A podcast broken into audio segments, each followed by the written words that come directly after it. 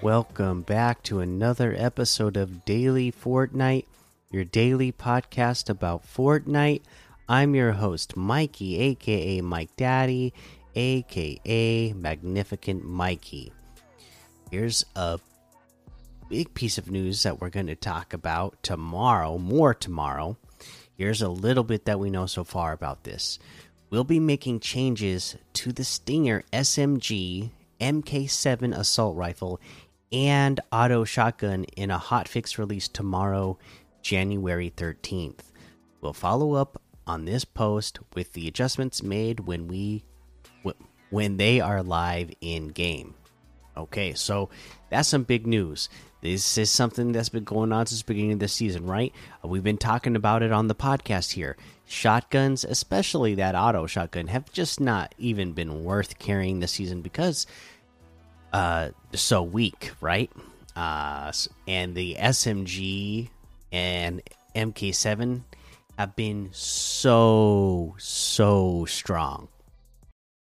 Uh you know, I like I said I haven't been uh well I I stopped following uh, a lot of the competitive players on social media a long time ago, and I just haven't been as what been watching as much competitive, so I'm just not really uh, as savvy on what the community, the competitive community, is saying on uh, things nowadays. But from what I understand, they've been just absolutely uh, despising this season because of uh, how strong the SMG and MK7 are. You know, because uh, they they just rip through builds, right? And uh, when you feel like you're a really excellent builder and editor, but somebody can just spam you through the walls because of the weapon uh, shoot so fast. Uh, I could see why that would frustrate them. At the same time, again, you know, for me, uh, I just like all the aspects of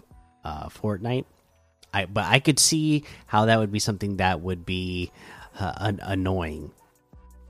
You know, if you have put in a ton of time to uh, you know really advance your skills in building and editing uh, but it's all for naught if something can just uh, you know still do damage through to you through the builds uh, but again, like I said, we're going to talk about that more tomorrow when the update actually happens and we know the details. For now, let's go ahead and read a blog post for Save the World home base status report January 11th, 2022 is when this came out. Welcome back, Commanders. Thank you for joining us in the first home base status report of the year. A new year tends to spell the end of the holidays, but you still have time to experience the joy of the Winterfest Ventures season as it comes to a close on January 24th at 7 p.m. Eastern. Now let's find out what else Winterfest has to offer before it melts away. Home base status report Initiate. Available now, Cloak Shadow has emerged into the event store, and Frost Knight offers one final challenge. Cloak Shadow is always lurking. Cloak Shadow, he has Corrupted Aura and Corrupted Aura Plus. Frost Knight Weekly Challenge 7 Final Frost. It's time for one final Frost Knight challenge. Final Frost combines mechanics from Frosty Turf, New Wave Holiday, Superheated, and Top It Off. Overcome this ultimate challenge, and you will be rewarded with a unique banner as well as the Ferocious Shark Attack launcher. That looks pretty cool. The Shark Attack, a bold collaboration between expert toy maker Ted and home base's weaponsmith Clip.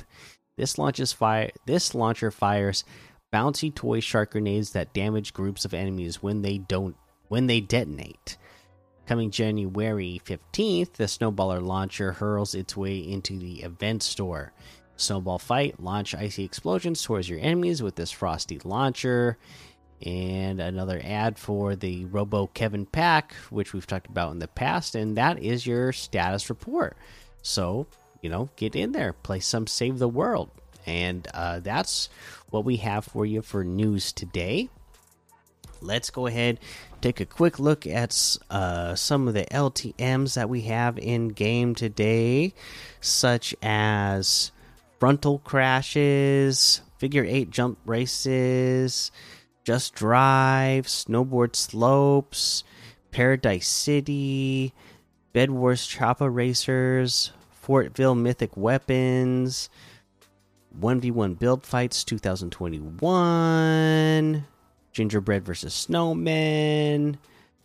Uh, let's see here Farmer Games, 50 Fashion Show, Color Dash, Lava Drivers versus Snipers, Pro Murder Mystery 8 rolls, Dark Minds Murder Mystery, and a whole lot more to be discovered in the Discover tab. Uh, let's see.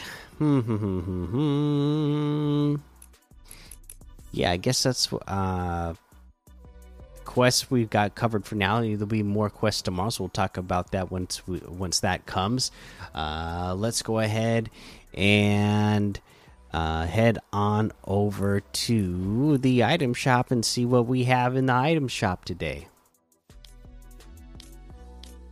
We have the wild card outfit with the cuff case backbling for 2000 the Starlie outfit with the Starlit backbling for 1200 the Pumpernickel emote for 500 the Rock Paper Scissors emote for 200 the Infinite Dab emote for 500, the Shadow Boxer emote for 200.